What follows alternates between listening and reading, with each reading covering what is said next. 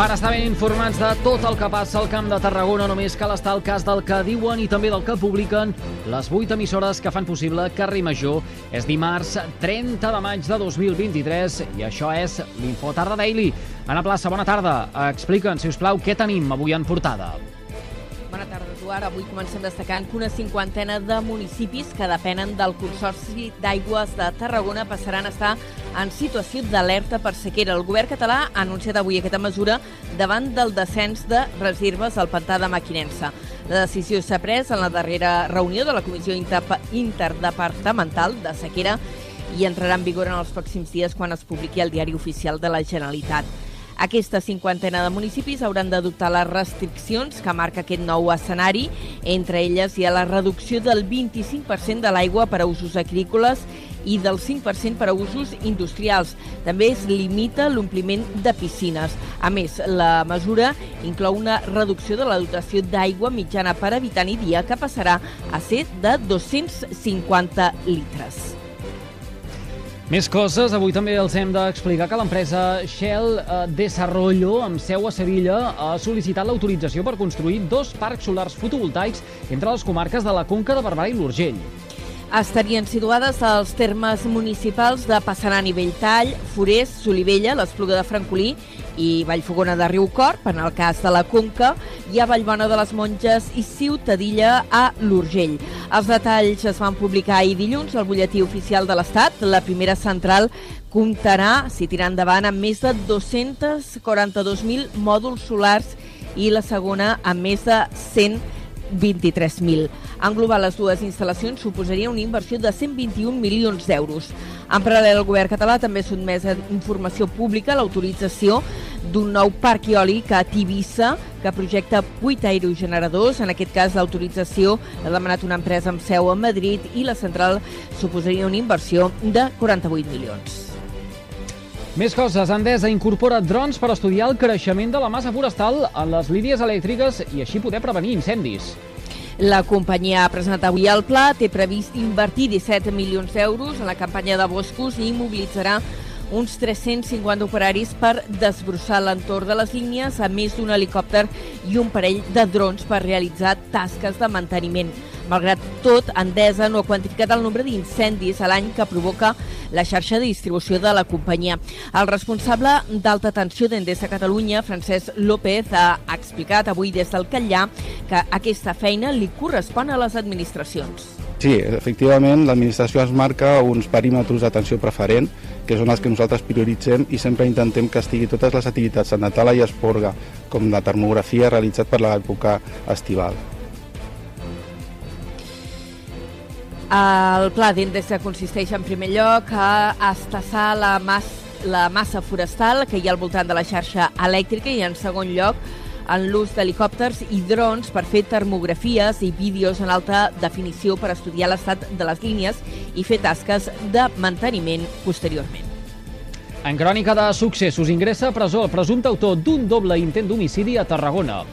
Uns fets que van passar al febrer davant del Parc Central. Les víctimes, totes dues menors d'edat, van ser ferides de gravetat amb una arma blanca. El presumpte agressor ha estat detingut aquest diumenge i en l'operació també s'han arrestat quatre persones més relacionades amb el cas. A més, la policia ha comissat dues armes de foc, tipus carabines, i diverses quantitats de droga.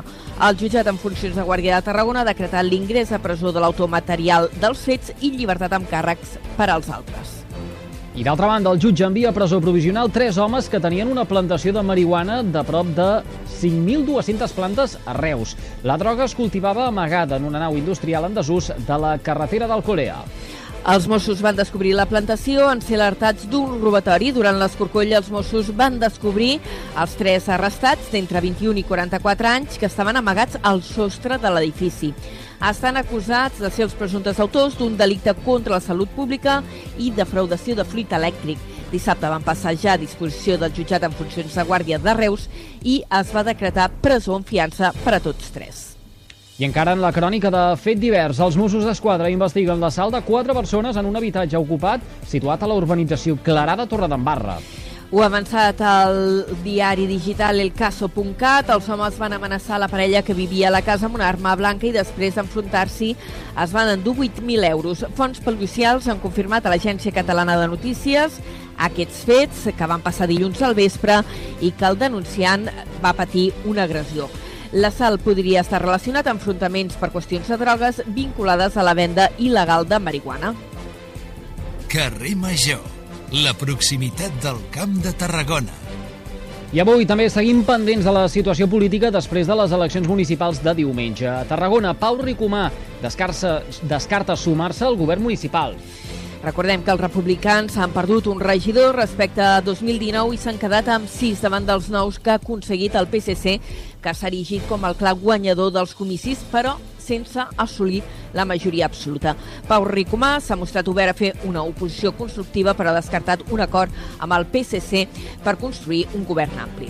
Sí, està clar és que nosaltres fem una posició constructiva, com hem fet sempre, eh, i sí, nosaltres el que volem és que, que tiri endavant. I, i malgrat no, no tenim cap mínima intenció de governar amb el PSC,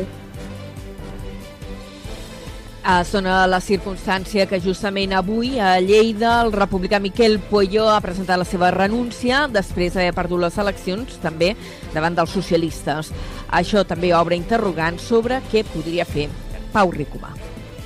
I l'Ajuntament de Torredembarra reclamarà a la Direcció General de Costes els desperfectes causats pels treballs de trasbàs de sorra. Aquests treballs han servit per a la reposició de 20.000 metres cúbics de sorra a la platja d'Altafulla. Ara bé, els camions i la maquinària pesant eh, encara treballen a les platges per anivellar l'arena. De moment han produït també un seguit de desperfectes al passeig marítim i a l'asfalt del barri dels Munts. Avui dimarts, des de l'Ajuntament de, Torre, de la Torre, han fet balanç de tots aquests danys causats.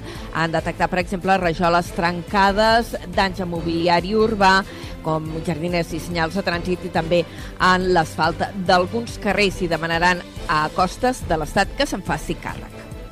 Seguim encara a Torredembarra perquè l'últim ple ordinari del mandat porta aquest dimecres a aprovació definitiva el cobriment de la piscina i la licitació de les obres.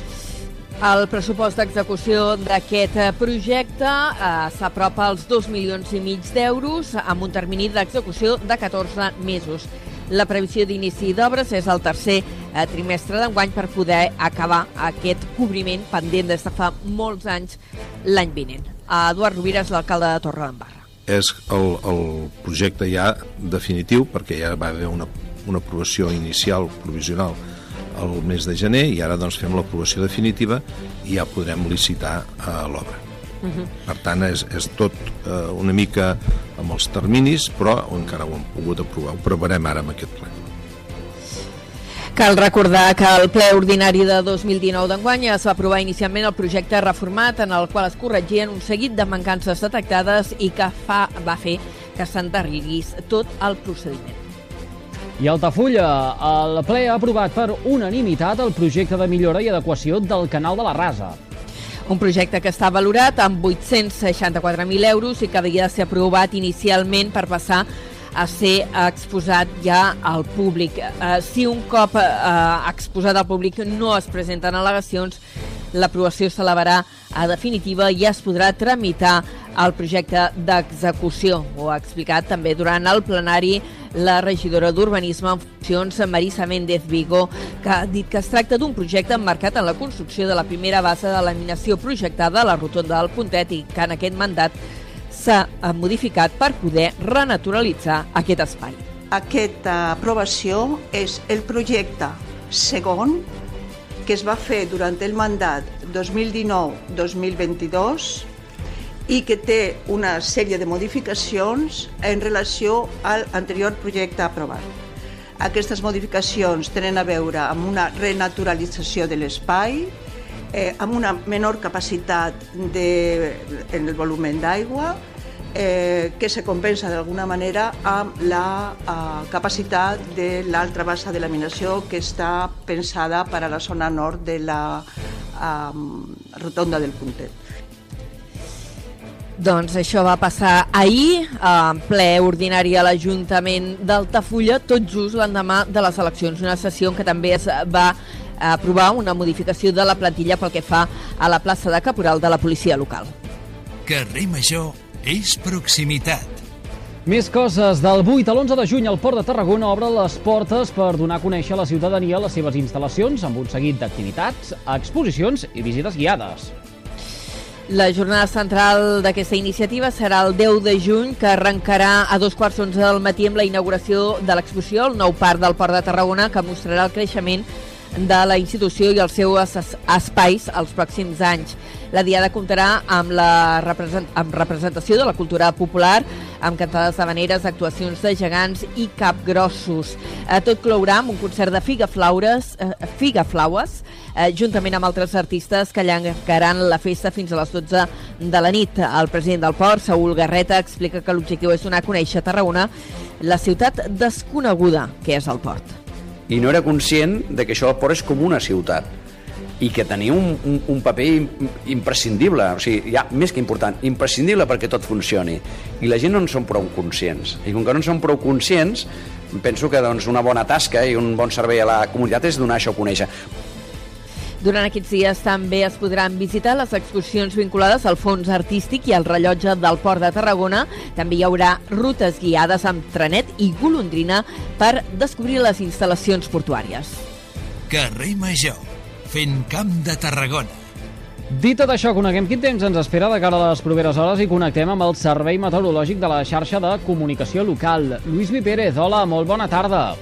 Temps que ha de tornar a ser més enrebaçat al llarg de les properes hores. De fet, a hores d'ara comença el rebombori meteorològic, comença a carburar l'atmosfera, bàsicament a l'Alt Pirineu, en forma d'alguns ruixats i d'algunes primeres tamborinades que ja estem tenint, per exemple, doncs, cap al Principat d'Andorra, l'Alt Urgell, a la capçalera del Ter, del Freser i també de la Noguera Pallaresa. Aquests ruixats que a hores d'ara estan concentrats allà al Pirineu s'aniran estenent una mica més al llarg de les immediates hores. I atenció perquè afectaran a moltes altres comarques del nord del país, també de la Catalunya central, i avançada la tarda, algun ruixat s'atansarà fins al Mollanès, les muntanyes dels dos Vallesos, el Baix Llobregat, també la Noia, la Conca de Barberà, el Priorat o fins i tot les comarques de Ponent ja molt entrada a la tarda. A prop del mar, més clarianes que no pas una altra cosa, i la temperatura que continua sent força suau. De fet, mentre no hi plogui, la tarda serà força càlida a gran part del país.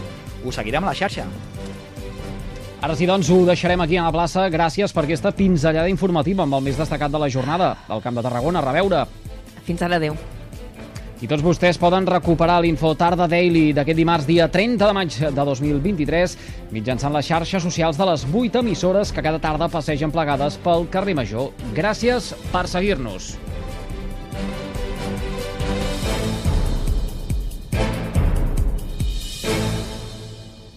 Carrer Major, la marca del territori a les ràdios locals del Camp de Tarragona.